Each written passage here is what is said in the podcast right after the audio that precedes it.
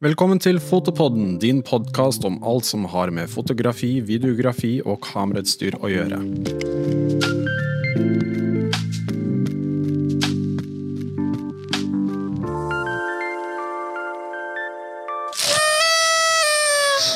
Hurra!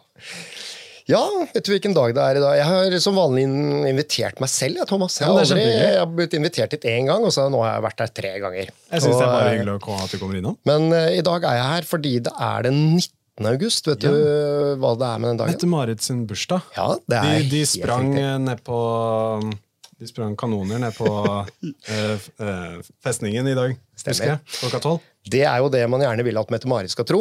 Eh, men sannheten er at det er jo vår bursdag i dag. Det er altså fotografiets fødselsdag.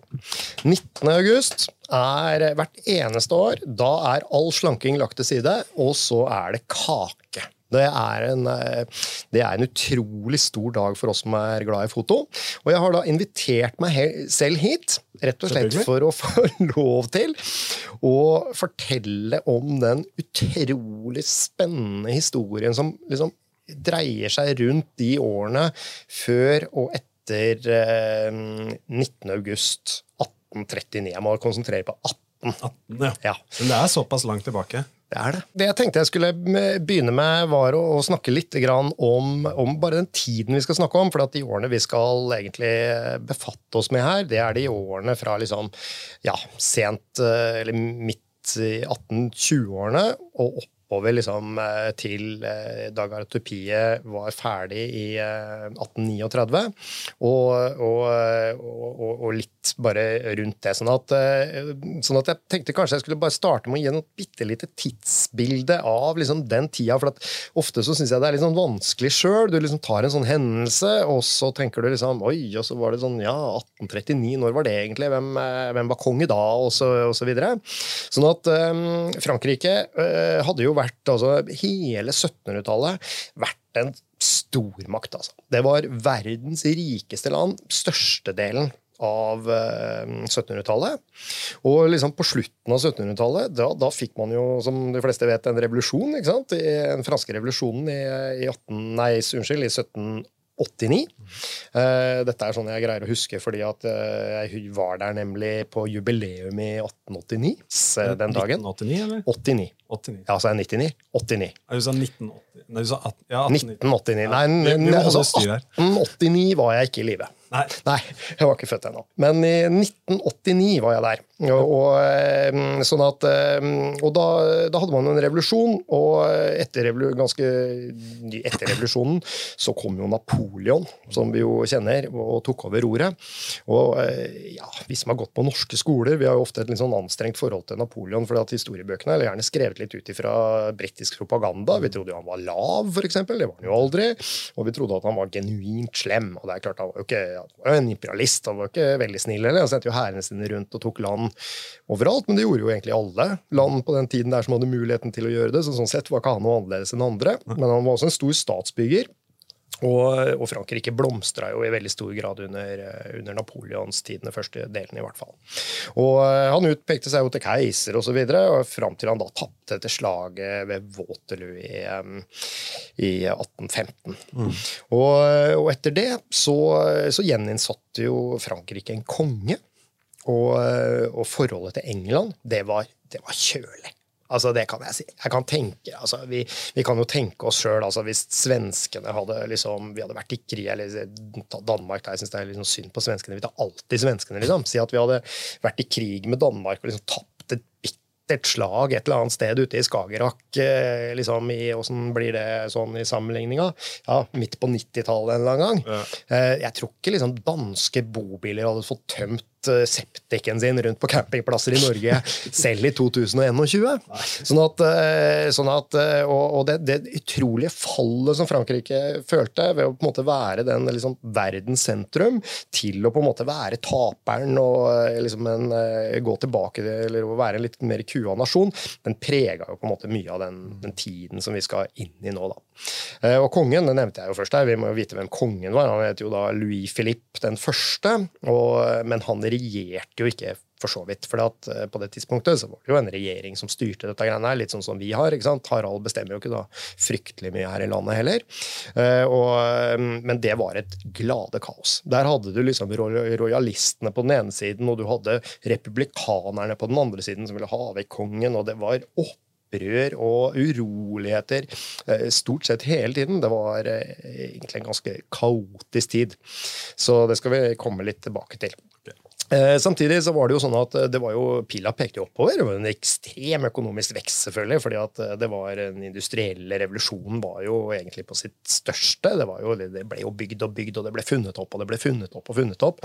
Og, og, og vitenskapelig også. Man fant jo nye løsninger, og alt liksom gikk veldig, veldig fort den tiden der. Det var egentlig tidsbildet.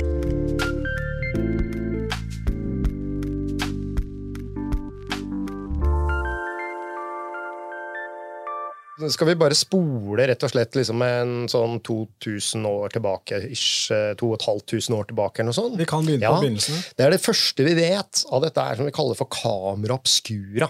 Uh, og jeg syns det hadde vært kult å kalle disse kameraene som vi har nå, også for kamera obscura, for den er jo ikke noe annerledes. Hvorfor var det kamera obscura? Det, nå heter det bare kamera, liksom. Det var slang. Uh, sånn at, uh, men det var jo utgangspunktet. bokser med, i begynnelsen da, med et hull i, akkurat som et hullkamera, ikke sant? Hvor, man, hvor man brukte da for å, for å liksom kunne tegne for å kunne tegne riktige perspektiver ikke sant? Og, og, og sånne type ting. Brukt og, opp gjennom tidens løp, da, oppover i den tiden vi skal liksom nærme oss nå opp eh, på 1800-tallet, så var jo det med kamera obscura en svær greie. Alle med respekt for seg sjøl hadde jo en eller annen kamera obscura, og spesielt hvis du skulle reise, da. Så hva, hva, gjør du da? ikke sant? For nå, gjør vi sånn, nå tar vi jo bare bilder med mobilen, og så husker vi åssen det ser ut.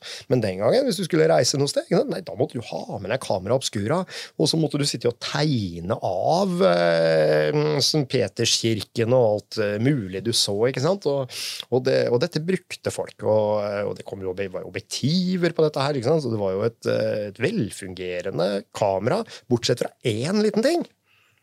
Kunne jo ikke ha noe film inni der. Måtte jo tegne. Ja. sånn at, eh, sånn at, eh, sånn at eh, tanken om at man skulle lage en prosess, og det er derfor man egentlig snakker om at vi snakker ikke om oppfinnelsen av fotografiet, for den, den ble egentlig født for lenge før Kristus, egentlig. Sannsynligvis i Kina. da. Alt nytt er jo i Kina. Eh, og, og, og, når vi da eh, og Sånn at man, man, har på en måte hele tiden tenkt den tanken opp igjennom. Eller hele tiden, jeg skal ikke si at man tenkte det i Kina 400 år før Kristus, altså. Men at skulle vi ikke kunne hatt en plate her som rett og slett hadde tatt opp dette bildet for oss, istedenfor at vi liksom sitter her og tegner det? Slipper å tegne. Slipper å tegne. Denne tanken med at man på en måte kunne lage en prosess, det, var det, det begynte man å jobbe med allerede allerede på, på 1600- og 1700-tallet. Eh, men, men, problemet litt var at de som kanskje gjorde de store oppdagelsene på 1600- og 1700-tallet, sånn som bl.a. Eh, Carl Wilhelm Schele i, i Sverige, de hadde ikke noen interesse av å lage noen fotografisk prosess. Eh, han jobba jo for gruveselskaper. Hele Sverige levde jo av gruver. og Det eneste man egentlig var interessert i, var jo grunnstoffer. Hvordan kan vi liksom tjene mer penger på hva vi graver ut? Det var hans jobb. Og han, han fant jo da denne her, eh, oppdagelsen med at liksom sølvklorid eh, hadde, Eller altså eh, Sollys hadde redusert sølvklorid til metallisk sølv. Og det er jo på en måte sånn at ja, nå, nå har vi jo digitalt, da, men la oss bare spole tida tilbake liksom 20 år til vi liksom hadde analog film. ikke sant? Ja, det er det vi gjør. Det er jo det det alltid liksom har vært. Og, eller eh, i foto hele tiden. Og, eh, og det vil si at i utgangspunktet så er jo fotoprosessen oppfunnet der. Det er bare det at det er så mange trinn for å liksom si at ok, ja, hvordan skal vi fiksere dette her? Hvordan skal vi få lysfølsomhet i det? Alle disse tingene her. da. Og Sjele var ikke noe interessert i dette greiene her. Han var egentlig en, uh, veldig uinteressert i noe som helst. Han, fant, uh, han var den første som påviste oksygenet og det å finne grunnstoffer på 1700-tallet, det var svære greier. Altså. Da, var, så, da, var, du berømt. Eh, og, men han fortalte det ikke til noen, han skrev det ned. Og så eh, var det noe annet som fikk æren for det. Så fremdeles så, eh, så, har, så står det et annet navn på hvem fant oksygen. Jo, nei, det var i hvert fall ikke Sjele, selv om han fant det beviselig først. han gadd bare ikke å si det til noen. Sånn at, eh, men det som er verdt å nevne også, før vi liksom kommer inn på disse personene vi skal snakke om liksom, på dette med foto, det er at det har noe med også eh, det, det at vitenskap, oppdagelser, det blir publisert. Sånn er det jo den dag i dag òg. Det er at Man sitter ikke der og liksom oppdager noe, og så bare liksom sier man oi, det prøver jeg å holde hemmelig her for meg, og så liksom tilfelle jeg kan bruke dette noen gang. Nei, nei, nei. Dette skrives det artikler om og publiseres i vitenskapelige magasiner og alt mulig sånne ting. Og, og, det gir fordi det gir jo anerkjennelse, men det, gir også, det, det, er også det som driver verden videre. For du kan aldri begynne liksom helt på bunn. ikke sant? Du må alltid liksom kunne ha noe å, å begynne på. Og det hadde man da på grunn av blant annet sjele, da, men også flere. Eh, min gamle fotolærer vil nok bli skuffa hvis jeg ikke nevner tyskeren Schultz, f.eks., som var enda 100 år tidligere enn dette her også. Eh, men, eh, men vi, det er jo ikke det vi skal snakke om. Men i hvert fall så, så, så, så var det jo også da en pottemaker i England, Wedgwood, og det kan jo man gå ned på Glassmagasinet og kjøpe Wedgwood-porselen eh, den dag i dag. Det firmaet eksisterer. Han var veldig interessert i dette og jobba veldig mye med det av en annen årsak. For han ville jo forenkle den prosessen og dekorere porselen. For den gangen skulle jo rikfolk skulle ikke ha hvitt eh, minimalistisk porselen. Det skulle jo være motiver på det. Og det å kunne gjøre det via kamera obscura, da begynner vi å snakke besparinger. Så han greide jo egentlig å lage en prosess fullgod prosess. Men han greide ikke å finne noen måte å fiksere det på. Og så var det liksom Nei, jeg har jo en fabrikk å ta meg av også. Så han, eh, han slutta med eksperimentene. Men han publiserte også. Så dette var også ting som folk kunne, eh, kunne på en måte lese og ta med seg inn i eksperimentene sine. Og det er da vi skal begynne på eh, Førstemann her, det er jo da og det er nå jeg begynner å skal si franske navn og steder, og det gruer jeg meg litt til. At, eh, men samtidig så er det sånn Vi vil jo gjerne glede de der ute. Ja. Eh, Josef Nikepor Nieps. Han er da berømt eh, for å ha tatt det aller første bildet i historien. Uh, og det er liksom, Hvis du kan liksom et par navn fra denne historien, så er jo det navnet du kan. Og dette første mm, det, Dette bildet han tok, det bevarte bildet som ligger i et hvelv i Austin, uh, det er jo eh, legendarisk. ikke sant, Disse bygningene. Vi skal komme tilbake til dette greiene her. Men Nieps, han jeg skal fortelle litt om han og hvem han var og bakgrunnen hans. sånn, for jeg synes det er en litt sånn interessant ting. Eh, og så er det sånn også at når man leser litt litteratur om fotohistorie, og særlig når man leser litt den litt mer lettbeinte typen av, i hefteformer og i, i deler av andre fotobøker f.eks., og så har det liksom blitt dratt med seg veldig mye rart. Eh, blant annet f.eks. at Nieps nei, han var grafiker, og det var derfor han starta med dette her, osv. At han ikke hadde noen eh, Ja. Så, så, så, derfor så tenkte jeg at jeg skal snakke litt om bakgrunnen også til, til Nieps. For han var, eh, for det sier litt også om hvem var disse liksom, oppfinnerne, hvor kom de fra, hvordan kunne du liksom komme deg dit? Han var jo en rikmannssønn. Faren hans, Claude Nieps, han, han var advokat, og han var eh, godsforvalter og eide, eller hadde da, eide ikke, tror jeg. Han, han forvalta, brukte og lånte og leide store områder, både med, både med, eh, med jordbruk, vinproduksjon osv. Han var rådgiver for kongen. Snakker ikke noe smått vet du. Dette er, jo, jeg, dette er jo før Napoleon og før revolusjonen. ikke sant? Så det er liksom inn til Versailles og ta et par ord med kongen. Vi snakker om helt på toppen av samfunnsstigen. Han var kjemperik. Uh, og han eide etter hvert også eh, enormt mange bygninger og landområder i dette området hvor det første bildet ble tatt. Og det området heter Saint-Loup de Ja, jeg håper jeg sa det riktig. Jeg er ikke så sterk i fransk. Det ligger altså på jeg tror det er, eh, er A7 det heter, eller A6, eller en av disse veiene. Altså det, hvis, du, hvis, du, er i Dijon, eh, som er lengst nord, og reiser mot Lyon, så er det korteste vei dit. Sånn, eh, nesten på midten, litt nærmere Dijon enn en Lyon.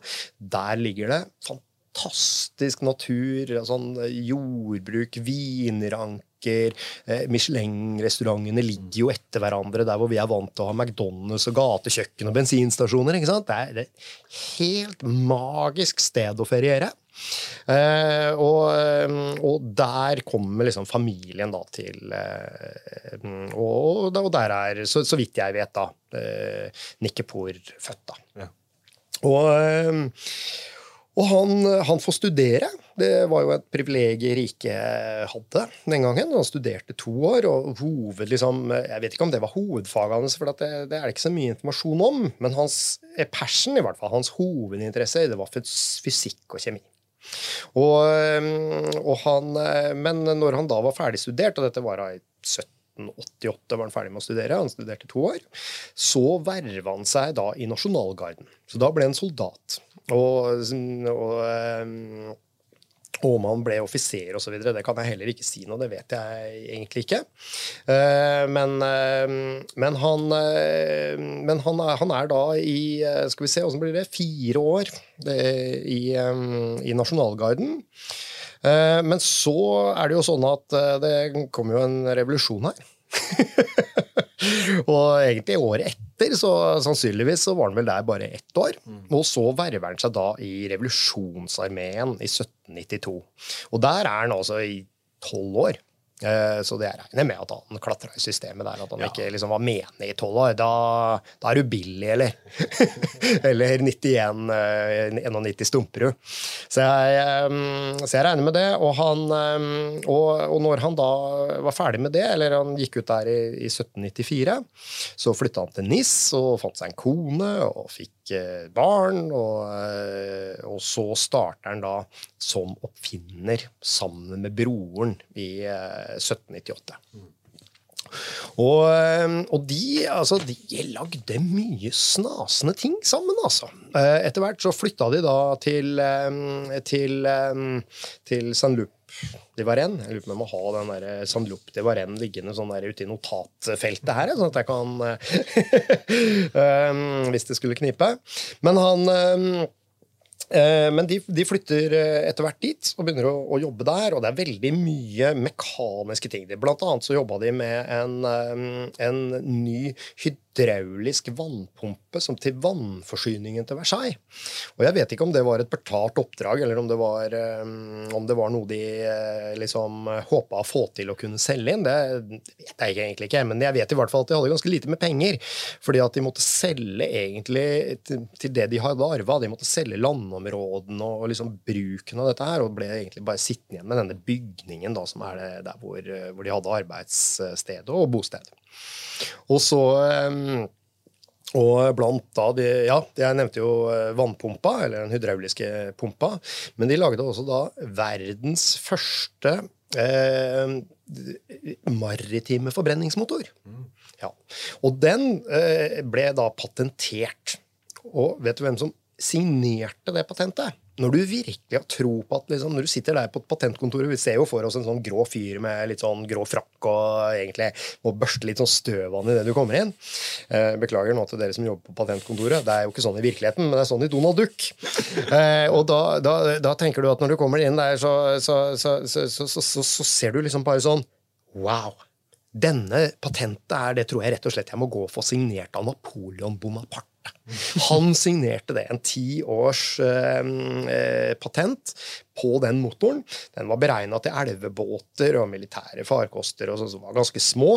Eh, og jo, det gikk jo som lusa på kjærekosten. Så de hadde noen eh, demonstrasjoner av denne her motoren eh, motstrøms oppover i elva. Folk gikk jo hjem og sånn. De orka jo det Det hadde gått mye, mye fortere å ro. Men det var dog en verdens første forbrenningsmotor. Og broren til Nieps, altså Claude het han også, som, samme som faren, han, han hadde så tro på denne motoren. Dette var noe han aldri ga opp. Så han valgte rett og slett da i eh, rett etter Napoleon eh, tapte på Waterloo, altså året etter, tror jeg, i 16 Se om det stemmer i notatene mine. Ja, det gjør det. Så, så reiser han da til England for at tenkeren at nei, de franske menn er ikke smarte, vet du, vil ikke kjøpe denne motoren.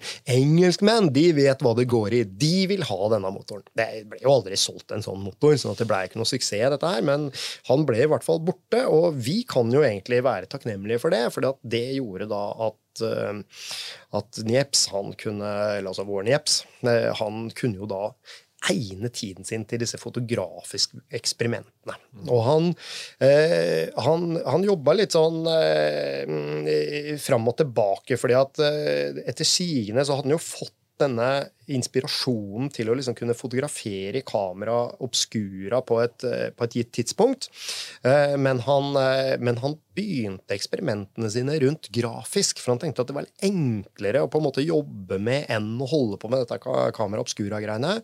Mindre vanskelig med dette med lysfølsomhet, for det skjønte han jo at ok, det er noe jeg må, må jobbe med. Og han begynte jo da, som alle andre, selvfølgelig, med disse sølvbaserte mm, teknikkene og prøvde å få det til å fungere. Fikk jo aldri det til å fungere. Og så ser vi da hvor da noen mennesker rett og slett er pragmatiske workaroundere. Og det, er, det, kjenner vi igjen litt fra fotobransjen. Vi må jo være litt pragmatiske, for det er ikke alltid vi liksom kan si å ja, kan noen løpe og kjøpe en C-stand for å Vi er tomme for C-stand, og vi skal ha en der. Da tar du en stålampe og noe gaffa, og så får du liksom dette her opp. Bare fikser det. Ja. Og det han gjorde da, det var at han begynte da, og det, det skjedde i 1822, så begynte han å eksperimentere med en type ja, jeg har alltid liksom kalt det type asfaltmateriale, men det er egentlig ikke det. Det er en slags bindemiddel, men det kalles jo for asfalt. Det kalles altså uh, judeisk bikumen eller syrisk asfalt. Det er liksom de to navnene det har. Og Det har blitt brukt eh, en rekke ting opp igjennom, og jeg kan bare nevne en av dem, for det står over at bare brukt en rekke ting, men så står det aldri noe mer. Hva pokker mer bruker man dette, denne bitumen til? Det vet jeg ikke, men jeg vet i hvert fall at det har blitt brukt mye til fargestoff. Du kan farge hva som helst med det. Eh, grovt treverk, mur. Du kan, ønsker du liksom å male murhuset ditt svart, så har du på en måte denne asfalten. Den kommer av noen naturlige forekomster og bobler opp da eh, nede i områdene der Syria, mm, Israel. Sånn at, eh, så det var grunnen til at den også hadde det navnet. da. Så, og det, det, som er med denne, dette materialet, det er at den har den egenskapen at når det blir utsatt for lys, så blir det hardt. Eh, og når det ikke blir utsatt for lys, nei, da holder det seg mykere. Så det Nieps eh, gjorde, det var at han løste denne asfalten opp. Jeg kaller det asfalt, jeg beklager alle lyttere og seere. Eh, denne bitumen opp med lavendelolje. Lavendelolje var noe man hadde mye tilgang på. Kunne sikkert brukt uh, olivenolje eller hva som helst. Men, men, men han, for, for, å på en måte myke den her, smurte det da på en plate. Uh, og så eksponerte han da denne her. Og det første han gjorde da, det var at han på en måte brukte jo da stikk som han la oppå her, sånn at han lagde det, liksom det vi kaller kontaktkopier i, uh, i fotoverden, eller mer liksom jobbet på denne grafiske måten. Uh, og, og, greide da etter hvert å, å fremstille sant, ved lang på en måte eksponering. men jeg tror det at han kunne liksom legge dette i sola i sånn yeah, to timer eller noe sånt. Det holdt. ikke sant? Og da kunne den da ta denne her vekk, og så kunne den vaske vekk den ueksponerte delen med lavendelolje. Og da sitter du igjen med et dessverre negativt bilde, da. Mm. Så, men, men, i hvert fall, det var på en måte starten der hvor han tenkte at dette er tro på, dette vil jeg kunne få til også i kamera obscura. Så da eh, setter han rett og slett opp et kamera, han snekrer det sjøl. Eh, objektivet det kjøper han. Han står ikke og slipper glassene sine sjøl, han er ikke helt der. Eh, men, eh, men dette setter han opp i, i vinduet på arbeidsværelset sitt. Og, og, der står han da og på en måte eksperimenterer for å prøve å få dette her til å, til å fungere, til å bli en liksom, teknikk du kan bruke fotografisk i kamera obscura. Og det han da finner ut, er hvordan skal vi løse denne negative greia, da? Den er jo, den, den er jo vrien, ikke sant? Og ingen vil jo liksom Du kan jo ikke selge en oppfinnelse at du kan få et negativt bilde av deg sjæl, hvor du blir svart i huden og Nei, svart i øya, og det, det, det er liksom det, det, ser jo ikke bra ut. ingen vil ha det. Dette må jeg løse. Måten han løser det på, Uh, jeg bare lener meg litt til notatene mine her, også, så jeg ikke sier så mye gærent. Det er at han da rett og slett tar en uh, forsølvet kobberplate. Jeg tror det er det vi kaller sølvplett. Mm. Ja. Uh, og, og, så, og, så, smører han da på en måte denne, denne um, bitumen på dette her. Og så eksponerer han denne plata i kamera obscura åtte timer. Eh, jeg husker det fra dette berømte bildet. ikke sant? Sol på veggen der, sol på veggen der. Det er sånn åtte timers eksponeringstid. Eh, og, og så tar han dette ut. Bruker den vanlige metoden ved å vaske vekk eh, da den ueksponerte bitumen. Eh, og da har du jo under der så har du sølv. Og hvis du tar joddamp og utsetter øh, og, og, og har joddamp på det sølvet, så blir jo det svart. Så det gjorde han. Og da ble jo alt svart. Men så tok han sprit og vaska vekk den eksponerte bitumen. For at den stivna bitumen den kunne jo da vaskes vekk. Og når du da reflekterte denne sølvplata mot noe hvitt Hei! Bilde. Og det var tilbrivelsen av da det første, vi må si, det første bevarte fotografiet i verdenshistorien. 1826 greide han å liksom knekke koden for denne teknikken og kunne ta de bildene i kamera obscura. Det bildet som er bevart, det mener jeg er fra 27. Så det er tatt et år etterpå cirka. Men dette var en langsom kar.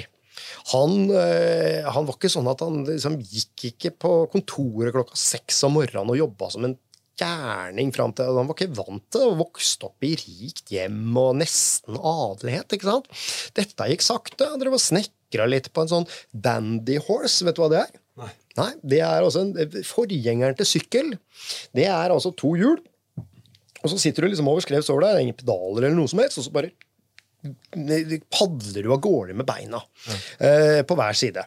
Og det, var- det, det var kjempepraktisk så lenge det gikk rett fram. Eh, for det hadde jo ikke noe styre. Eh, men det altså, Niepsan var jo oppfinneren. Han øh, greide jo å lage et svingbart styre. Det sier litt om han at liksom, ok, du er så close denne her greia, og så greier du ikke å bli ivrigere enn at du bruker liksom tida på å bygge den der dandy horse. Det var kanskje litt sånn i forkant, men det, dette var en lang periode. Det gikk mange år. Eh, og han jobba med disse her teknikkene og hvordan kan jeg få det til å bli bedre og bedre og bedre og bedre. Og bedre og bedre, og han så jo det at, og det ser jo vi også når vi ser liksom det, det første bevarte bildet, er ikke noe å gå ut og selge dette her. Altså? Det er jo ikke, en, det er ikke noe skarphet i det. Det er ikke noe, altså, en eksponeringstid på åtte timer, så skal du få tatt liksom, barnebilder. Eller tenk deg pressefotografen da, skal ta liksom, disse her, eh, hopperne i Kollen. ikke sant? Det er åtte timer. Heng der oppe i åtte timer! sånn at, eh, sånn at eh, Han skjønte jo at dette måtte, måtte løses. Og det som, det som Nieps trodde, det var at dette kan løses med et mer lyssterkt objektiv. Det er jo løsningen. Og objektivet til, eh, til Nieps, det var altså ca. blende 5,6. Ja. I og med at jeg har vært nede og sett på det, så kan jeg si det. Det var en lysstyrke på ca. 5,6. Du har vært der hvor Jeg har vært der, jeg skal komme tilbake til det. Men- hvis man har blender 5,6, da, og så sier vi at det er åtte timer Ålreit. Så får vi et objektiv som har lysstyrke 4, da har vi fire timer. Eh, 2,8 to timer. To én time. En halv time på blender 1,4. Eh, et kvarter på blender 1. Har du mye objektiver til salgs her i butikken på blender 1? Ikke sant? Veldig få. Ikke sant? Han kunne ikke, eh, av en eller annen grunn ikke greie å gjøre det regnestykket som gjorde at, at det var, liksom, var utelukka. Da. Eh, og en annen ting er jo et bilde som er tatt på blender 1. Du kan jo ikke bruke det til noe. Det er en dybdeskarphet liksom, som er så liten at det ser jo bare ut som det er et eller annet sånn ullent greie med en liten sånn der røff eh, sånn fillerye som ligger et eller annet sted inni der. Ikke sant? Så, eh, men det, det trodde Niepce, og hvorfor han ikke hadde bedre greie på dette med, med liksom eh, lys- og optikkteori, det vet, det vet jeg ikke helt, for det var jo informasjon som for så vidt skulle være tilgjengelig, men han eh, tenkte ikke sånn. Men det som skjedde, det var at han, eh, han møtte etter hvert en mann som het uh, Daguerre. Louis Jacquemont de Daguerre. Er Og det er jo mannen som er kjent for å være da fotografiets far og skaper av den første prosessen. Og vi må nesten si da den første brukbare prosessen, for det var jo andre prosesser som kom før dette her som var uh, ubrukelige, men den første ordentlig brukbare prosessen. Og, eh, og de, de- ja, de møtte hverandre etter sigende, så ble de introdusert gjennom en kamerabutikk i Paris som het Chevalier. Og det tenker jeg det skal en kamerabutikk i Paris hete. Chevalier. Det er blikket franskere. Og, eh, og de møtte hverandre i Paris, eh, mens eh, en av de var på, på vei til England. Eh, Og, og møtte hverandre da eh, også på tilbaketuren, og de delte veldig mye av de samme tankene, og de egentlig klikka lite grann, har jeg, jeg i hvert fall følge de breva de har skrevet eh, mellom hverandre, osv. Så, videre. så mm, så det, det gikk noen år, og så eh, Eh, og, så, og, så, skulle de etter hvert inngå et partnerskap. Men jeg skal, jeg skal ta litt historikk på Dag Geir også, hvis jeg kan gjøre det. Eh, fordi at eh, Dag Geir han var altså en, han var arkitekt eh, utdanna. Han var maler. Han var teater teaterdekoratør, eller teatermaler, om du vil. Eh, og han var også panoramamaler. Og panorama det er jo noe vi forbinder med veldig sånn breie bilder. Vi kan gjøre det med mobiltelefonen. Men eh, på 1800-tallet så var altså panorama det var et, et skue man bygde Man malte panorama rundt i, i sånne rundeller. Mm. Sånn at du kunne liksom stå i midten, og så kom man sånn Wow, mm. det er bildet der. Men så er det også bildet der. Mm. Wow! Dette betaler vi noen franc for å få lov til å se. Ikke sant? Så det var liksom Det var en eh, Ja, folk hadde ikke internett, Netflix og spill på telefonen den gangen. Man gikk, i, eh, man gikk rett og slett og så på et, et panorama. Men i 1822 så, så oppfant han da noe som vi nok ser med jevne mellomrom nå, nemlig noe som kalles for diorama. Ja. Og diorama det er en slags teatralsk framstilling hvor man bruker dybde. Og selvfølgelig de to andre dimensjonene også. Må i tillegg, så Det som var eh, også, det var jo at eh, Daguerre han hadde på en måte en forkjærlighet for lys sikkert hatt mye å snakke med Arild Bergseth om. sånn at uh, han, han, hadde da, um, han hadde da også på en måte laga denne dioramaen, uh, sånn at man kunne slippe inn lys fra baksiden, så man liksom fikk motlyset. Og så kunne man liksom klappe igjen det speilet og få lyset forifra, sånn at ble, man kunne gå fra natt til morgen til dag osv. Og, så og så hadde man animerte objekter som gikk rundt inni dette regnet. Så det bygde man opp et svært hus for i Paris, som het liksom eh, Ja, het Diorama, og der betalte folk da penger for å komme. Og det sies der er det liksom veldig mangelfullt med informasjon, men det, noen hevder at han tjente enorme penger de siste åra. De beste åra som Diorama hadde, som sannsynligvis var ganske rett etter starten, så mener noen at de tjente opp til i 200 000 franc. Og nå vet jo ikke vi hva 200 000 franc er, men skal, når jeg kommer tilbake til hva Daguerre fikk for denne oppfinnelsen, så ser vi at det var liksom 10 000 franc per år. Mm. Og da ser vi at 200 000 franc wow, det er astronomiske summer eh, på det tidspunktet, egentlig. Eh, men eh, men, eh, men, det er veldig usikkerhet om dette her. fordi at uh, etter hvert så kom man i ganske seriøse økonomiske problemer. Skal jeg også komme litt tilbake til. Uh, men, men, i begynnelsen i hvert fall, så var dette diorama en supersuksess. Og, og Daguerre hadde mye penger. Han var veldig velstående.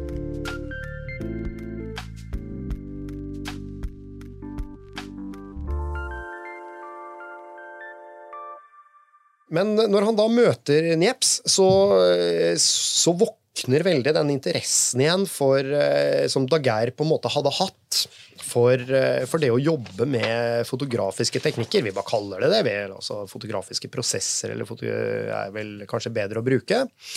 Eh, og, og Daguerre han hadde også brukt en slags fotografisk prosess som han hadde eh, la, framstilt sitt behov.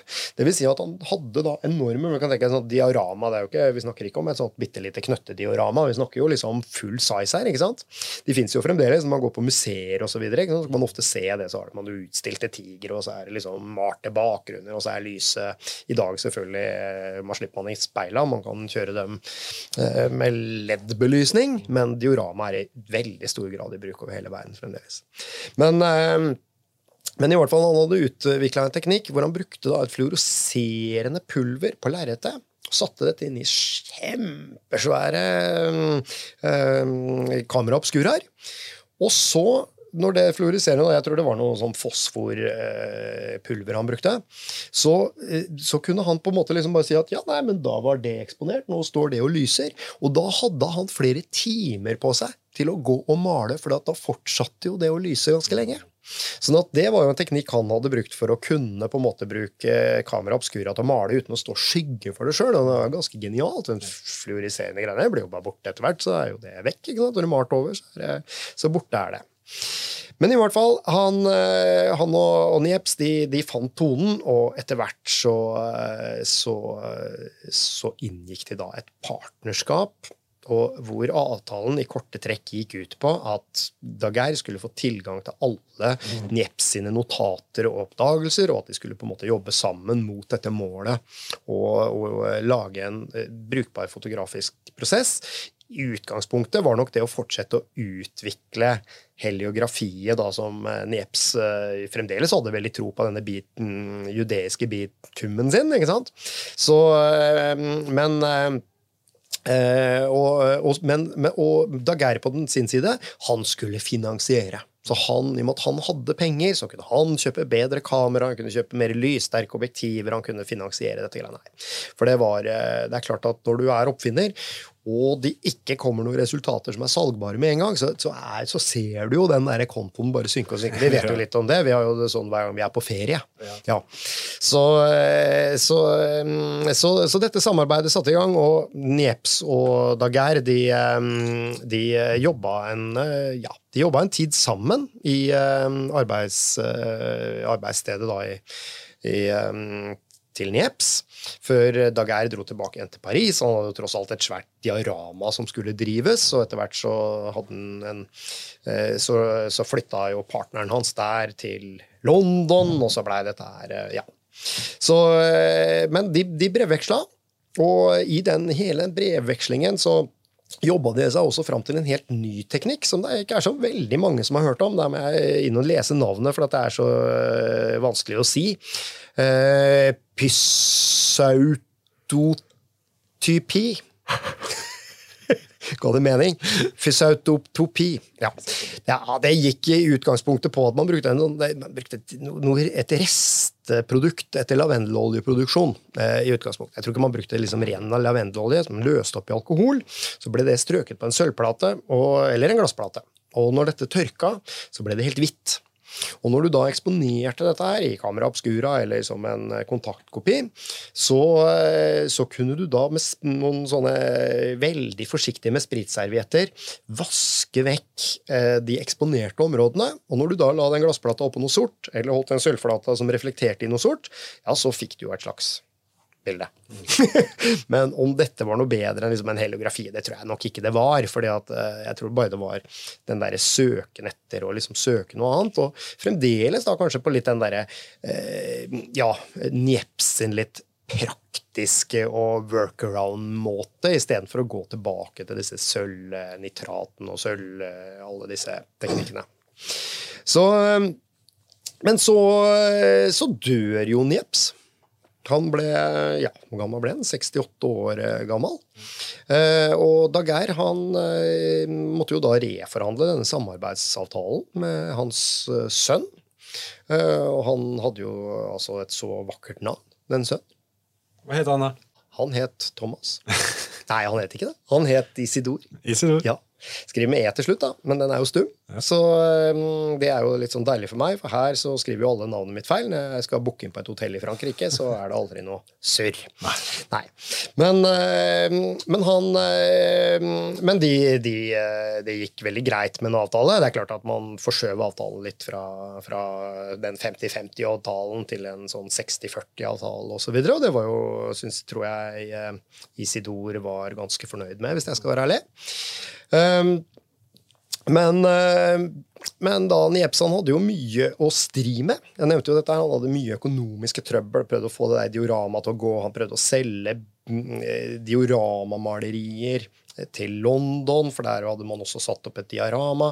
Eh, og, og, de hadde ikke noe penger å betale med, og det var liksom stusslig. Det ble en del stusslige tider og en del slit. sånn at eh, eksperimentene, liksom de fotografiske eksperimentene de, de, eh, de, sto nok litt i ro i den perioden. Men ja, han kom nå i gang.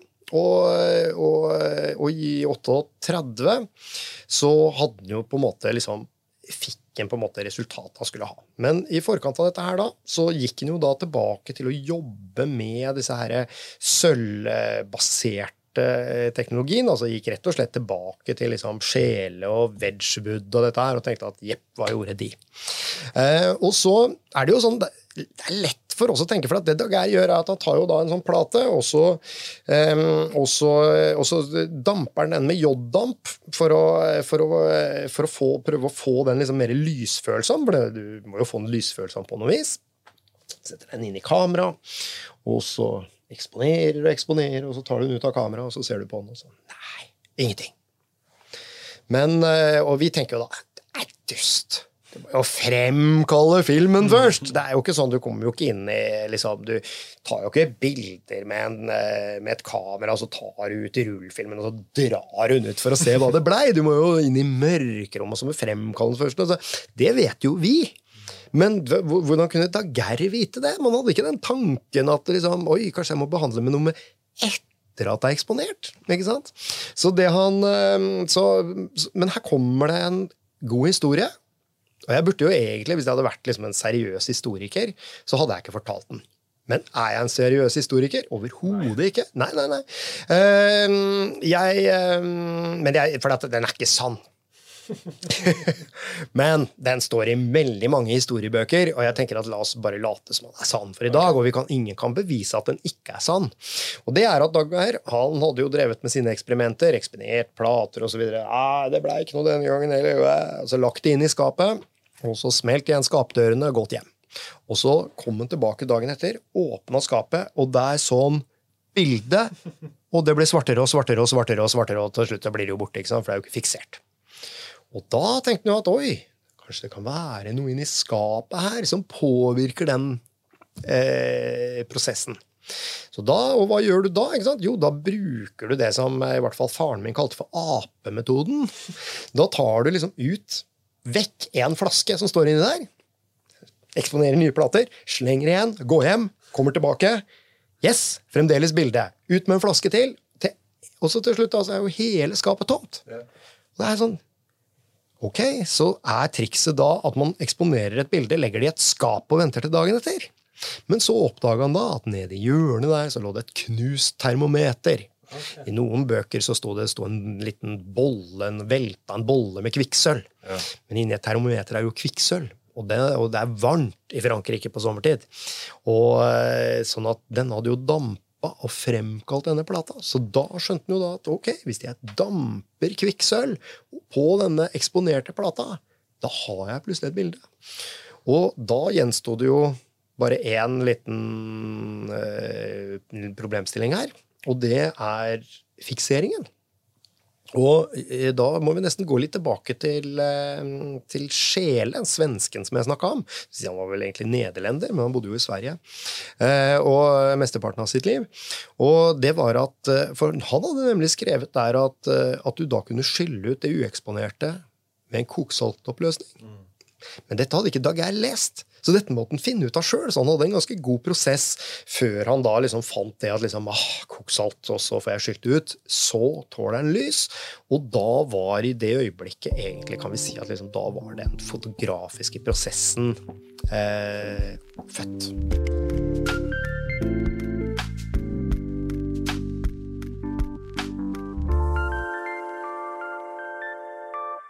Etter hvert så eh, Og dette tok jo, litt, tok jo, litt, tid. Og han begynte jo da å gå ut og, og skulle selge denne, mm, denne oppfinnelsen. At, eh, og det er det som er at jeg har alltid hatt et inntrykk av at liksom Dag Eir er veldig smart forretningsmann, dette kunne osv. Men samtidig så så vi liksom at Diorama gikk konkurs, og det, jeg vet ikke hvor egentlig god han var akkurat på den forretningsbiten. Men han hadde da en tanke om at han skulle greie å få 200 000 franc fra én enkelt kjøper for denne oppfinnelsen. Det prøvde han på, og det fikk han ikke. Og da endra han strategi.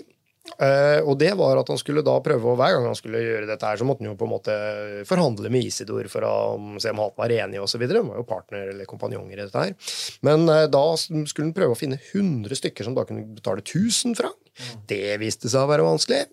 Men så møtte han da en mann som het Dominique Francois Arago. Og det, han, han var ikke noen liten mann. Han eh, var rett og slett Eh, han var rett og slett eh, han var vitenskapsmann, han var politiker, og han var sekretær i det franske vitenskapsakademiet. Og det å være sekretær i det franske vitenskapsakademiet, det er jo altså ikke som å liksom, jobbe som sekretær på et kontor. Det er jo på en måte, Da, da er du høyt på strå. Generalsekretæren i FN for eksempel, er jo ikke liksom noen småjobb. så han, eh, han, hadde alle kontaktene. I tillegg var han også frimurer, så han hadde jo egentlig liksom kontakter helt opp til kongen, rett og slett. Jeg regner med at kongen var frimurer. Det er nesten alltid frimurer. uh, og, så, um, og, i tillegg så er han også uh, en av de 72 navnene som er inngravert på Eiffeltårnet. Visste du at det var navn inngravert i Eiffeltårnet? Nei, det visste jeg ikke. Det er to, de, de, Eiffel plukka ut de 72 mest betydningsfulle vitenskapsmennene i fransk historie som har fått navnet sitt på Eiffeltårnet. Og det er tre fotorelaterte. Og det er jo ganske spektakulært av 72. Vi har Daguerre, vi har eh, Arago. Og vi har en fyr som het Fresnel. Det høres jo kjent ut. ikke sant? Han jobba jo med optikk og, og, lysteorier, og var eh, han som kanskje egentlig fikk bekrefta denne eh, teorien om disse lysbølgene, som vi jo nå vet i dag er, eh, er riktig. Så, så han var, men han var en stor, stor mann, og han eh, visste hva det gikk i. Og når Daguerre møtte han, så, eh, så, ble det litt fart i sakene.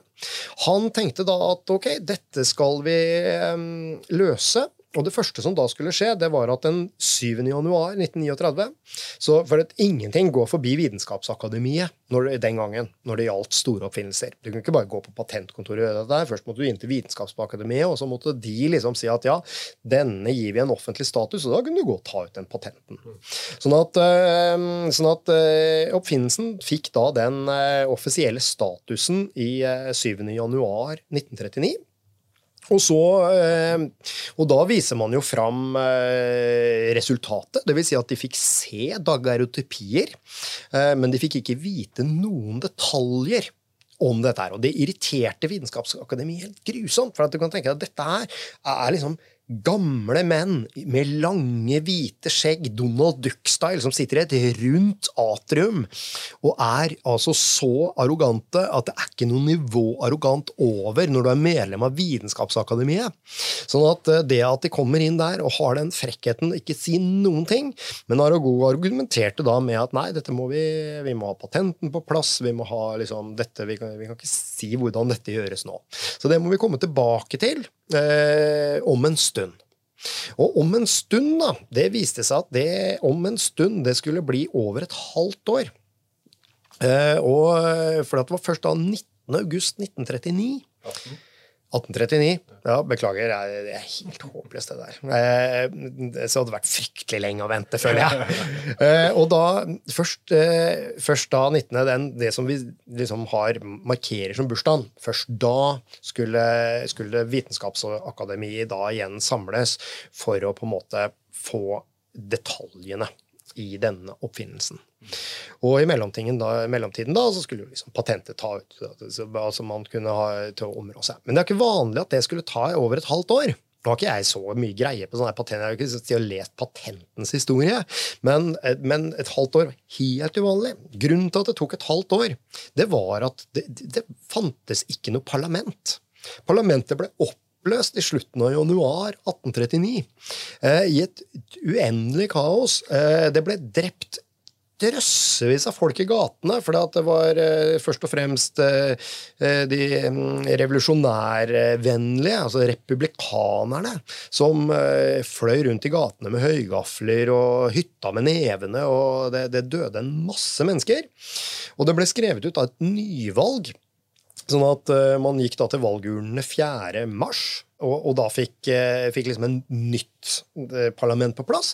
Det hjalp jo ingenting. Det var jo like kaos. Man fikk ikke utlendt en regjering, man fikk ingen ministre. Det var bare et fullstendig kaos til langt ut mot sommeren 1839. Sånn at det var derfor det tok så enormt lang tid. Fordi at Aragos plan var nemlig akkurat det. Å spille på de strengene at Frankrike som har vært verdens rikeste og største land, som har bidratt med alt som har gått her i verden, eh, plutselig ligger nede og har blitt banka livsskitten til en fyr med gummistøvler oppe i Belgia. ikke sant? Eh, det er jo ikke bra. Nå fikk man en mulighet til å liksom ta og kjøpe ut dette patentet og dele det ut som en gave til verden. Så det var jo det som da ble Arago sin tale da den 19. 19. Eh, august. Og Det som er litt morsomt med denne historien, her, det var at eh, de skulle jo få vite detaljene i dette. her. De sitte og gleda seg til, og de, de, var så arrogante også til, til sigende. Dette har jeg heller ikke noe dekning for å egentlig si helt sikkert, men dette har jeg det har jeg lest eh, et eller annet sted. Og det er jo at, eh, at, de, ja, at de, som svar i Vitenskapsakademiet, var veldig eh, De var sånn Nei, dette vet vi jo hvordan gjøres. Ja, ja, ja, vi har jo lest Carl Wilhelm Scheel, og vi har jo Wedgwood, og nei, dette har vi greie på, vi vet akkurat åssen dette gjøres. Men ingen av de visste jo dette her, ikke sant? Og, og de satt jo alle selvfølgelig og, og venta på at denne avsløringen skulle komme. Men da den 19. august så står, reiser Aragosa, og så sier han dessverre så har monsieur Daguerre vondt i halsen, så han kan ikke si noe i dag. Sånn at uh, det, blir ingen, uh, det blir ikke noe foredrag om hvordan dette gjøres fra hans side, og jeg, jeg vet, aner jo ikke hvordan man gjør dette her. Sånn at, uh, sånn at det er bare å beklage. Men da kommer jo denne nyheten om at den franske staten har kjøpt ut dette patentet og gir det som en gave til hele verden. Ikke hele verden. Nesten hele verden. Nesten. Ja, fordi at uh, Daguerre han må jo også få ta ferie. Og det er klart at uh, når du bor i Frankrike, det er jo ikke så langt over kanalen til England, det er jo naturlig å ta ferie i London. Og der er det jo patentkontoret. Uh, sånn at han hadde jo da vært og tatt ut patent på dagerotopiet for England og Wales. Så det var en gave til hele verden, bortsett fra de som møtte opp på Waterloo. så, ehm, eh, så det var nok et lite sånn ehm, Ja. Ehm, hvis det kan kalles å gi fingeren, så er det jo akkurat det det er. Og jeg tror ikke det var uh, Daguerre sitt valg. Jeg tror rett og slett han, uh, Når man forhandla den avtalen, så tror jeg de sa det er greit, nå er avtalen i boks, men Daguerre må reise til England og få tatt ut de patentene i England. Og han dro ikke til Skottland, så Skottland slapp unna. Sånn at det er masse god fotodokumentasjon fra Skottland fra 1840 eh, til 1851. I England er det nesten ingenting. Så, eh, men i hvert fall, denne, denne fantastiske gaven eh, Vitenskapsakademiet ble holdt for narr. Eh, rett og slett. Og, og, de får da beskjed om at det skal holdes en pressevisning eh, på Palais d'Aussin, tror jeg det uttales, eh, den 7. september. Og da kan du jo tenke deg, da, da har du ganske god tid. Da kan man sende ut pressemeldinger til hele verden på den tiden uten problem.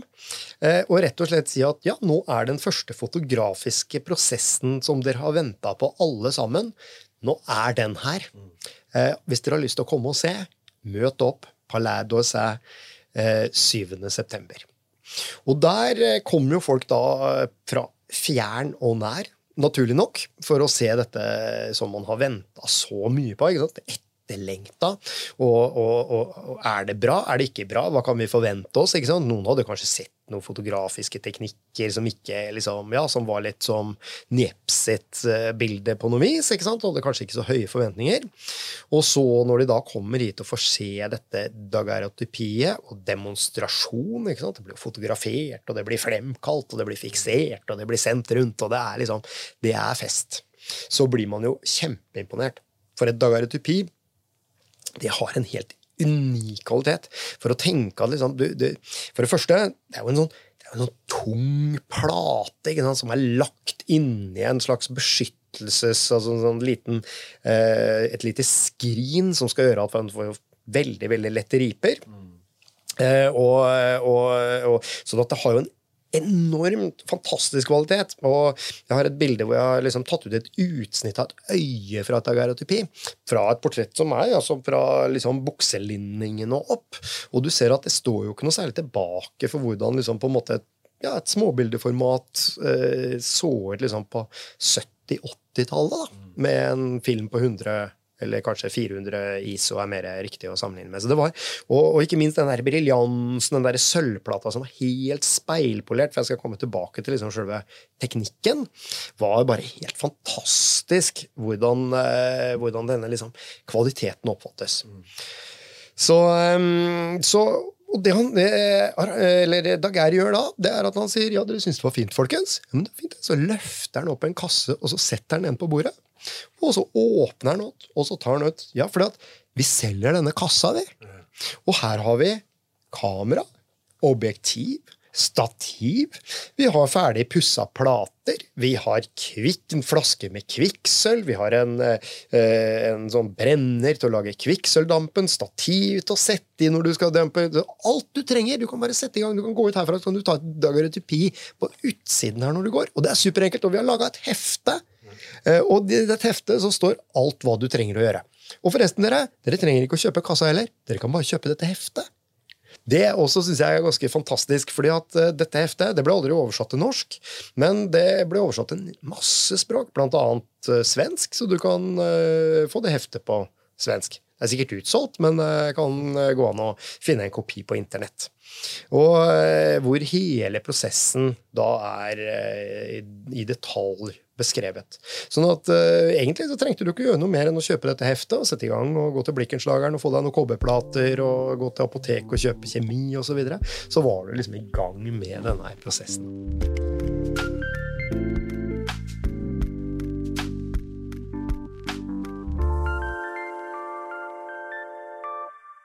Og jeg kan si det at i, i, mars, altså mellom disse møtene i Vitenskapsakademiet, så publiserte en engelskmann som het uh, Heschel en, uh, en, løsning på rett og slett uh, fikser med natri, nat, natriumtiosulfat, folkens. Lykke til! Vær så god fra meg. Ingen penger nødvendig. Det var bare en ren service fra hans side. Han har funnet ut at det var det beste å bruke, og det er jo det beste å bruke. Sånn at det, det gjorde jo fikseringen bedre. Ja.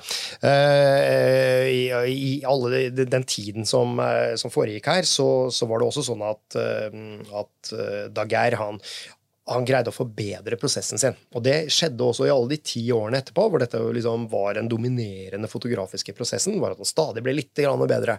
Mm. Stadig en kjemikalie du kunne tilsette for å få liksom litt mer, bedre lysfølsomhet. og sånne ting.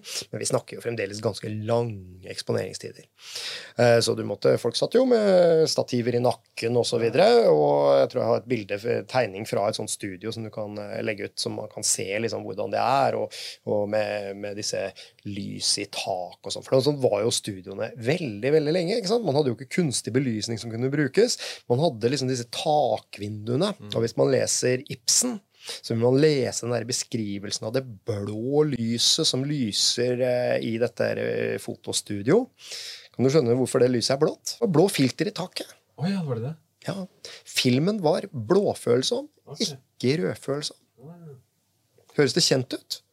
Når du er på mørkerommet med sort-hvitt mørkerom, så har du jo gult lys på. Eller eh, rødt lys hvis du jobber med sånn, noen fargematerialer. tåler jo til og med litt rødt lys. ikke sant? Sånn at eh, du så Derfor så hadde man disse blå filterne i taket. Det, det, det, var jo aldri noen som smilte på bilder før. Og det var jo grunnen til at du, det var så lange eksponeringer. Så det å smile var altfor slitsomt. Så Nei, du måtte være veldig død i ansiktet. Det er veldig få du kan fotografere som sitter smilende i, ja. i 20 minutter. Eller i, eksponeringen gikk jo helt ned mot to minutter litt sånn på slutten her. Men eh, to minutter, lykke til. Det er eh, lang tid, altså, å sitte, sitte og smile. Så ja, det er helt klart. Og du ser også at noen som er veldig blunkere, noen blunker jo veldig, så ser du også at de ser litt sånn døde ut i øya. Ikke sant? Så også ble tatt masse bilder med med gjenlukte øyer for å unngå den problematikken. At du så litt gæren ut når du hadde de der sløra øya osv. Så, videre. så um, nei, man måtte liksom jobbe, jobbe med dette her. Så det, det, var jo den store liksom, problemstillingen var jo det at du aldri kunne ta øyeblikksbilde. ikke sant? Så, um, så, så, det var veldig fokus på dette med arkitektur, det var veldig fokus på dette med um, med, med, portretter, selvfølgelig. Det, det, var jo ekstremt etterspurt. Og, og det som er litt uh, morsomt her og, Men jeg skal bare si litt mer om dette med businessen. For det er jo den der, hele det politiske spillet her. Altså, ikke sant? Hvorfor eh, man går og selger. Og jeg har lyst til å snakke litt om de der, fordi at eh, patentet ble jo kjøpt ut av den franske staten. Men det er klart det lå en betaling der. Og den betalingen den var 10 000 franc per år. Eh, resten av Og det var 6000 franc til Daguerre. 4000 franc til, til eh, Isidor Nieps.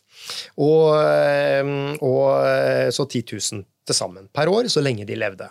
Nå hadde jo ikke Daguerre så lenge igjen, for han var like gammel som meg, nesten. Han var bare et par år yngre enn meg, så han hadde jo bare ti år igjen å leve. Men, men for Isidor så ble jo dette en ganske brukbar avtale.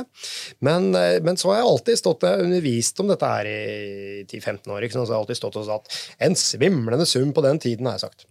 Og så tenkte jeg en dag så våkna jeg liksom, tenkte, så tenkte jeg, hvor svimlende var den summen? Det, det, er jo verdt å sjekke opp sånne ting. Så da gikk jeg liksom inn da, for å se liksom, okay, hva tjente franskmenn i 1839.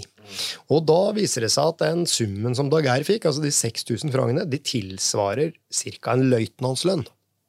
Ja. ja, nå hadde nok løytnanter sikkert god lønn, tror jeg. Jeg tror det var ganske store forskjeller i samfunnet. så En menig soldat tjente sikkert ingenting, og en løytnant tjente nok ganske bra. For jeg tror løytnant er litt opp i hierarkiet i militæret også. ikke sant? Så, eh, så, det var nok greit, men det var ikke noe svimlende summer vi snakker om her. Og, eh, og det var jo det som var det geniale planen til Arago, er jo nettopp det. ikke sant? Nei, Slapp av, folkens. Vi trenger ikke så mye penger. Vi skal leve av denne kassa her. Og vi skal levere plater. For problemet med de platene, nemlig Nå har jeg aldri prøvd å lage noe dagerotypi. Jeg har ikke tenkt å gjøre det heller, for at jeg utsetter meg sjøl for kvikksølvdamp er ikke yndlingshobbyen min. Ikke gjør dette hjemme på badet, dere. Ehm, jeg har en annen teknikk dere kan bruke isteden. Eh, og det er at, eh, at du at disse platene de måtte poleres til høyglans. Og jeg som ikke vasker bilen min engang, jeg kunne jo aldri ha gjort den jobben. ikke sant? Du sitter og polerer og polerer og polerer med fille og fille, og det polerer og polerer og polerer. Og polerer, og noe eh, pulvergreier på her og så videre for å få den. måtte være. Altså, resultatet ble best når den var liksom helt speil. Og, og, det vil si at, eh, at, det å kjøpe disse platene ferdig polert var veldig populært, kontra å liksom sitte på bakrommet og, polere og polere og polere. og polere. Sånn at eh, det gjorde jo dette til en ganske god business, og, eh, og, og det ble veldig mange daguerreotypister. For det er også en sak jeg har, har sjekka litt opp i, som jeg syns er litt sånn gøy å snakke om. Da, for det krever litt jobb å liksom grave det fram. Men det er jo liksom sånn at hva kosta en dagerotypi i Norge, f.eks.? Og i 1850 så kosta et dagerotypi 180 skilling. Det sier deg jo ingenting. Nei, ikke meg heller. Men hvis jeg sier at anleggsarbeider Andreas Rasmussen, som deltok i arbeidet ved å reise Bergens museum, fikk utbetalt 60 skilling per dag, da vet du at liksom Hei, 60 pluss 60, 120, det er tre dagers jobb, så har du faktisk et daguerreotypi. Sånn det, var det var jo ikke uoppnåelig for en anleggsarbeider engang. Og anleggsarbeidere var jo ikke høyt på lønningslistene. Eh, I 19, nei, jeg sier 19 hele tiden, 1856, da kosta det 36 skilling. Og det, da begynner vi å snakke, kan vi ta med ungeflokken. Så, så, det litt sånn, så, så det var ikke så, liksom, så forferdelig dyrt som, vi, som jeg liksom, i hvert fall inni mitt hode tenkte kanskje at det skulle være. Ja, at det var liksom mer for eliten og for, eh, for de, de, absolutt rikeste. At det var liksom en greie. Men som sier, det ble jo mer og mer vanlig. Det er klart at det, det, var nok ikke for, eh, det var nok ikke for fotoassistenter den gangen heller. Men eh, jeg tror at eh, for, for folk som var litt sånn, ikke helt nederst, men litt oppå, så, så, hadde man liksom muligheten til å gjøre dette her, da. Men akkurat det der med, med liksom salg av daguerreotypier og disse, det, det er det jo mange som kan veldig, veldig mye bedre enn meg.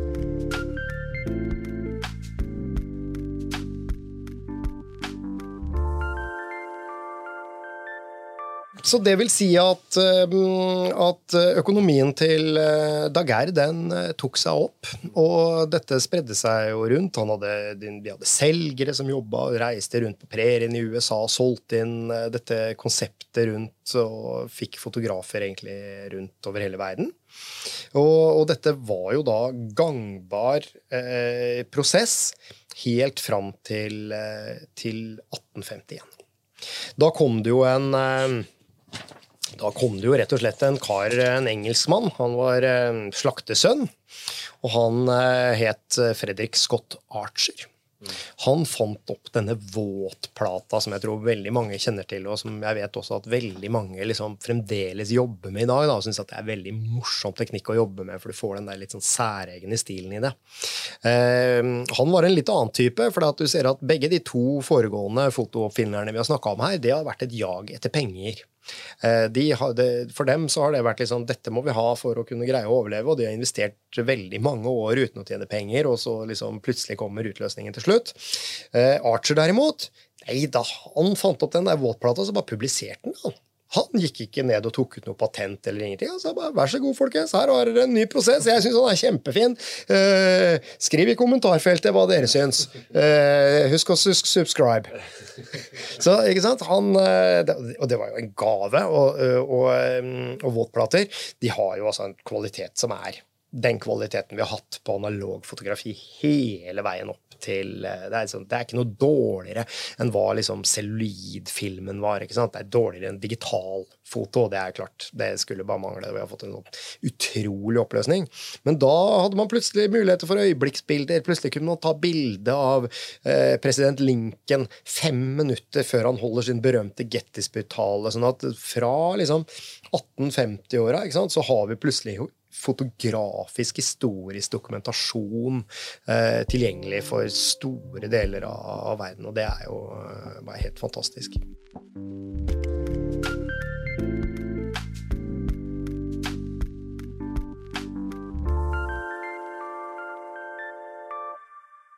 Jeg er jo en følsom, følsom, mann.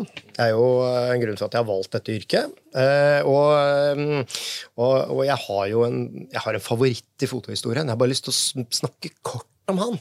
Han het Hippolytt Bajar. Og jeg har en hundkatt. Jeg måtte kalle henne Hippolytt. Bare for jeg må alltid ha en katt som heter, jeg må ha en katt som heter Hippolytt. For han han var en eh, I motsetning til disse andre som var liksom ja, De var liksom rikfolk, og de var uh, utdanna, og de var snobber, og de var Ja, så det, det, det, han, han var en av oss. Han levde for fotografiet, for uttrykket. For han, han var fransk statstjenestemann, så helt raka fant var han jo ikke. Men han, han vanka liksom blant kunstnere og ja, var jo de som satt og pimpa i seg absint og sånn på 1830-tallet i, i, Paris, ikke sant? Og, um, og, og, han hadde liksom holdt på, han, og fifla litt med dette. For han tenkte at det hadde vært gøy å uttrykke seg på andre måter også. Hvorfor ikke fotografi? Det er jo sånn kunstnere tenker i dag òg.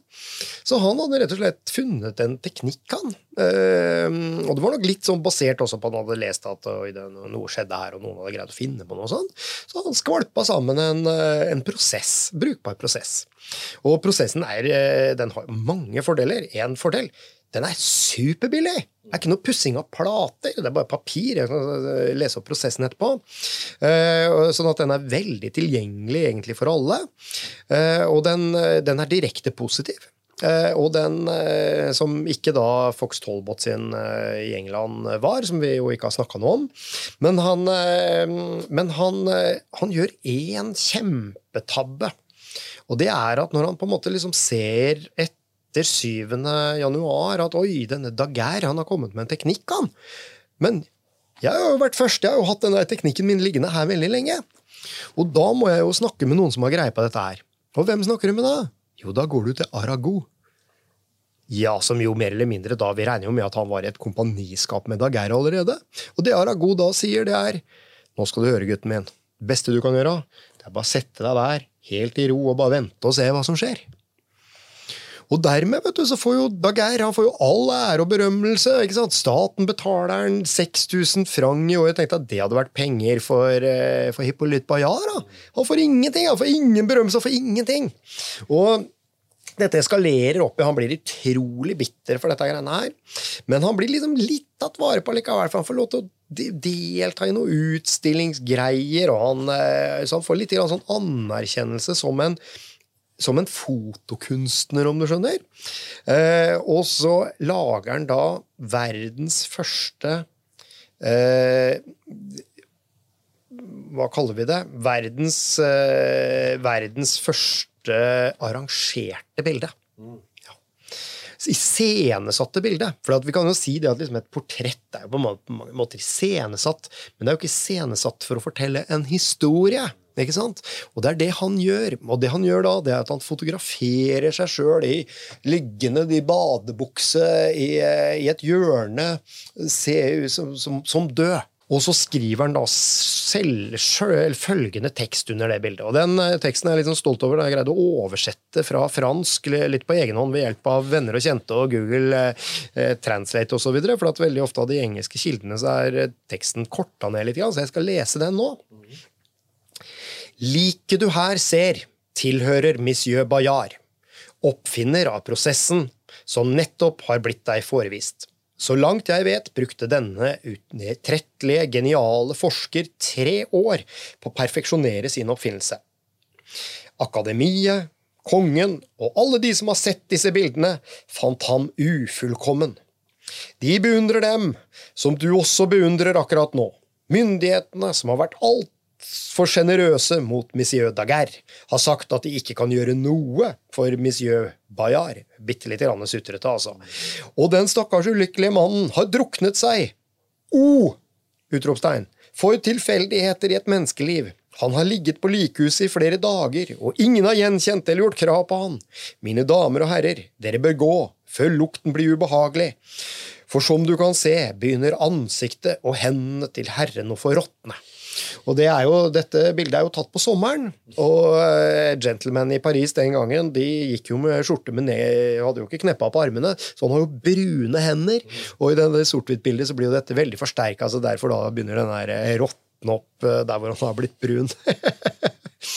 men, men, det er jo en fantastisk bitterhet, og, og litt med rette dette. Han skulle jo kanskje på en måte blitt tilbudt og fått være med på kappløpet her. ikke sant? Regjeringa burde kanskje få velge hvilken av disse prosessene velger vi å betale for. Kanskje man kunne delt osv.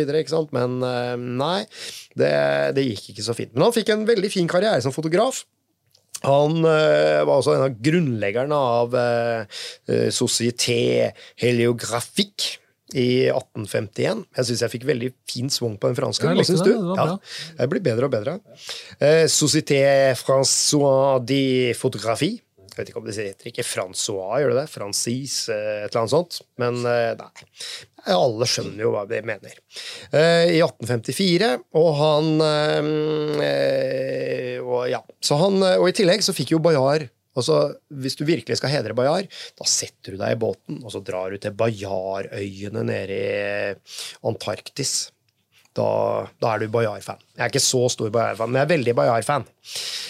Men, men, prosessen hans den var, den var, veldig enkel og genial. Du tar et papir av god kvalitet, så pensler du det jevnt med sølvklorid. Og så utsetter du papiret for dagslys til det blir helt sort. For det vil det bli, for det er lysfølsomt. Og så bløtlegger du papiret i kaliumjodid. Jeg regner med at du vet hvor du får kjøpt alle disse tingene, Thomas? Apoteket kan man bestille. Var, I gamle dager fikk du jo kjøpt sånne ting på apoteket. Jeg vet ikke om du kan det lenger, men det er litt morsomt. Jeg lurer på om jeg skal ringe til Apotek 1 eh, nå så rett og slett høre har dere kaliumjodid inne, eller eh, ja. Men man får sikkert tak i det.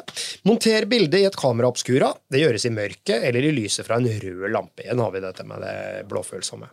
Eksponer bildet i ca. to minutter i sollys sommertid. Blende 16. Men du blir imponert nå?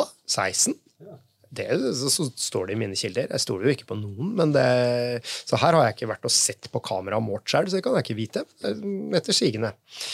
Eh, ta ut det eksponerte bildet på mørkerommet og vask det i et bad av natriumtiosulfat. Heng det til tørk. Beundre bildet av deg selv som drukningsoffer. Hæ? Det er Hippolytt Bayard. Så han eh, stakkar, det gikk ikke så bra. Men uh, han Eller det gikk jo litt bra. Men, uh, men vi ser jo det at disse fotopionerene som Jeps og Daguerre, de var jo ikke altså Selv om Daguerre var maler, så var han nok en veldig sånn teknisk maler. Uh, mens, mens selv om han selvfølgelig hadde noen av disse kunstneriske interessene, mens Jeps hadde jo null interesse. Alle bildene han hadde tatt, samme motiv, ut det vinduet. Han var overhodet ikke interessert i fotografi. Han var interessert i å finne opp prosessen og tjene penger på den.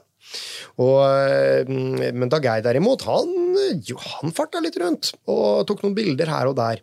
Men altså i, eh, i, eh, i mars 39 eh, da brant dioramaet til Dageir. Ja. Og litt sånn litt Eh, spørsmål om det kan ha vært en forsikringssvindel osv., rett og slett, fordi han var såpass blakk. Men da brant også alt av bildematerialet han hadde gjort. altså Alle hans daguerreotypier brant der, bortsett fra 25 som er bevart. Mm. Hvor de 25 er nå, ingen anelse. Nei, og det vet du nok, De er nok litt rundt på museer og ting, vil jeg tro. Ja, eller hos arabiske oljesjeiker. Vet ikke. Men det er jo litt interessant det du sier, at på en måte allerede da så var det noen som så kunsten man kunne gjøre, og så var det noen som så det tekniske og det finansielle. Altså det var en skille der, da. Og det er jo fortsatt det i dag. på en måte. Det er jo de som er teknisk interessert, og så er det de som er kunstnerisk interessert. Det er vel sjelden han er japaneren som sitter og skrur sammen den der Canon-kameraet. Han skal jo ikke bruke det, han skal jo skru sammen. Ja. Så her har man jo ulike interessefelt. Det er jo en ærlig sak, det, men man må jo liksom bare bli litt sjarmert av, um, av, um, av en mann som rett og slett bare går inn og liksom finner opp en prosess først og fremst fordi han har lyst til å ta bilder. Da. Ja, ja. Motivasjonen er litt annerledes, ja. Så, um, så, det er jo sånn, og det, og det, må jo også nevnes, det er jo mange andre her. Vi har ikke snakka om Fox Talbot, og Skulle vi gjort det, så måtte det vært et helt eget program, for han er uh, såpass omfangsrik i sin uh, historikk. Uh, men han var jo i England og oppfant jo denne negativteknikken, hvor rett og slett negativet var et papir som han smurte inn med voks for å få det mest mulig gjennomsiktig, og kopierte. Og det gjorde jo at han kunne på en måte jobbe med dette mangfoldiggjøringen. Det var jo en teknikk som ingen ville bruke. sånn at, eh, som jeg sa tidligere, så var det nesten ingen fotodokumentasjon fra England i, eh, fra 1840-åra. Teknikken til um, Fox Talbot den var veldig sånn Ja, han, en av hans venner, da, og det var vel han som fant ut fikseringen, han Hasher, han hadde jo vært og sett på, i Paris og sett på disse mm, bildene til, til, til Daguerre. Og han sa det at de var jo så klare og skarpe, i motsetning til Fox Talbot sine, som så ut som de var liksom fotografert gjennom en skodde. Ja, og Det er jo ikke noe kompliment. Og, men, men, samtidig så, så, fokuserte Talbot litt sin karriere da, etter hvert som han skjønte hvor, hvor, hvor, dette gikk, at ikke folk ville på en måte gå på patentkontoret og betale han penger for å få lov til å bruke patentet hans. Så, så satte han jo i gang dette her å produsere og mangfoldiggjøre og fotografere pene postkort. For det er klart at hvor mange fotostudenter har ikke lagt på en papirstruktur på et bilde før de har printa det ut? Det er ganske mange, det. Og meg inklusiv. Og det, det, er jo sånn at Når du bruker det riktig, så får du jo på en måte en fantastisk fin effekt ut av det. ikke sant? Og det visste faktisk Tol Tolbot litt å gjøre, å bruke den teknikken for det han var verdt. ikke sant? Og ikke minst laga da verdens første fotobok, hvor hver eneste bilde er limt inn, liksom mangfoldiggjort på mørkerommet, og limt inn i boka og, og solgt ut eksemplar for eksemplar. liksom. Mm. Den ønsker jeg meg til jul. Så hvis dere er noen kompiser som har tenkt å spleise på noe, så er jeg veldig klar for den boka til jul. Det er bra tips. Ja. Jeg vet ikke hvor mange hundre tusen det koster å få tak i en sånn original hvis du skulle greie det, men det er nok ikke, det er nok ikke billig. Mm.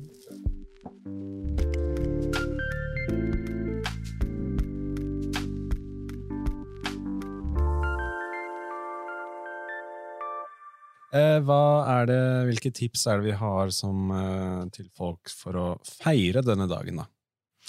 Jeg, det, det, som jeg er veldig opptatt av, det er, for det er noe vi har litt sånn lett for å glemme. Men jeg, jeg, stilte dette spørsmålet nylig, og jeg prøver av og til å, å stille det spørsmålet også litt til meg selv. Og det er, eh, og det burde alle gjøre, hva er fotografi for deg? Ikke sant?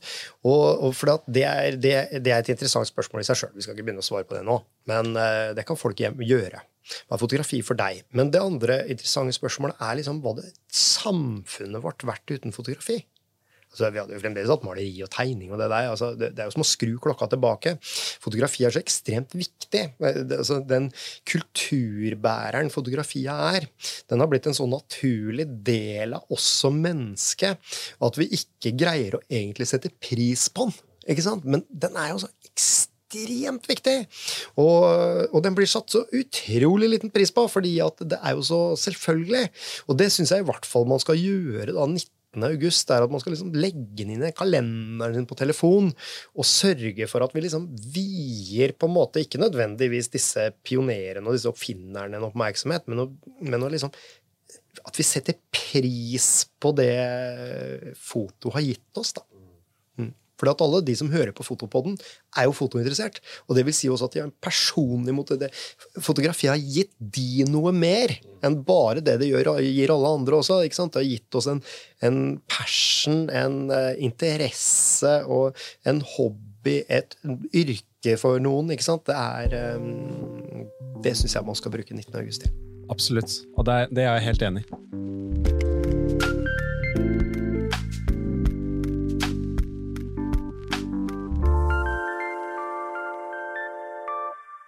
hver gang så har du spurt meg ja. har du noen tips. Eh, fordi at eh, vi, Jeg pleier alltid i Fotopodden og så at vi kommer med tips. Ja. Og så har jeg sittet der som et mehe og sagt bare øh, Nei, det er jeg ikke forberedt på. Jeg har ikke noe tips. Men denne gangen jeg har et tips. Ja. Men det som er, det er ikke fotorelatert, men det er historierelatert. For at man kan jo på en måte være interessert i foto, og så kanskje syns man også at historie er interessant. Da bør man høre på en podcast, svensk podkast som heter Historiepodden, med Daniel Hermansson og Robin Olofsson. Mm. Der har jeg hørt på alle episodene, og jeg oppdaga det litt seint. Sånn at eh, jeg har hørt på alle episodene på veldig veldig kort tid. Ja. Og eh, gått kontinuerlig i månedsvis. Og det er veldig mange episoder der ute, og jeg syns de er utrolig flinke liksom, i den formidlingen. Hvor de greier å egentlig eh, Ja, måte å formidle det på, rett og slett. Mm. mm. Så det anbefaler jeg. Ja, nei, det er, dette er en episode som absolutt burde bli hørt flere ganger, tenker jeg og ta litt notater også underveis. Det er jo noen som har gjort det på de forrige episodene dine også, har jeg skjønt. At de har hørt den flere ganger og skrevet under og googla litt underveis. Men vi kan, vi kan, legge ut noen kilder, kan vi ikke? Og ja, for at, det syns jeg er litt um, fordi at det er, det, det, det er, litt sånn å treffe de riktige kildene for å liksom få den riktige informasjonen.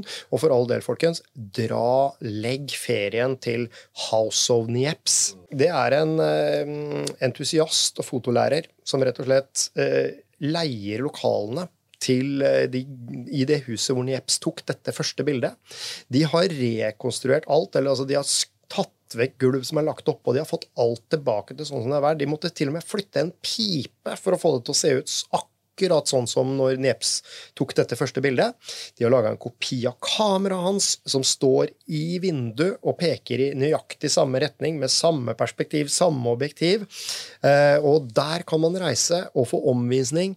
De har laga altså, noen av de andre oppfinnelsene som man kan se på. Prøve f.eks. denne dandy-horsen han uh, rei rundt på, uh, og, og få omvisning der. Og det er liksom sånn at det er da vi fotografer og fotofolk kommer til Mekka.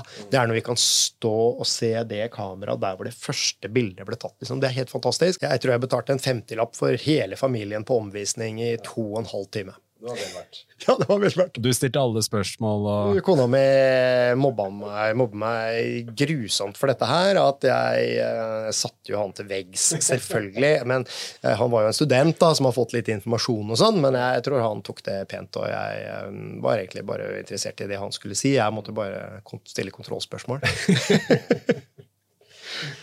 Ta turen dit, alle sammen, og så ja, hør denne episoden flere ganger.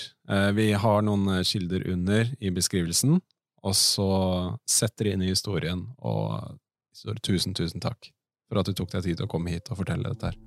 Gleder meg absolutt på min side. Jeg har lært masse. Jeg har stikket inn noen ting. Tusen, tusen takk, og så ses vi i neste episode, alle sammen.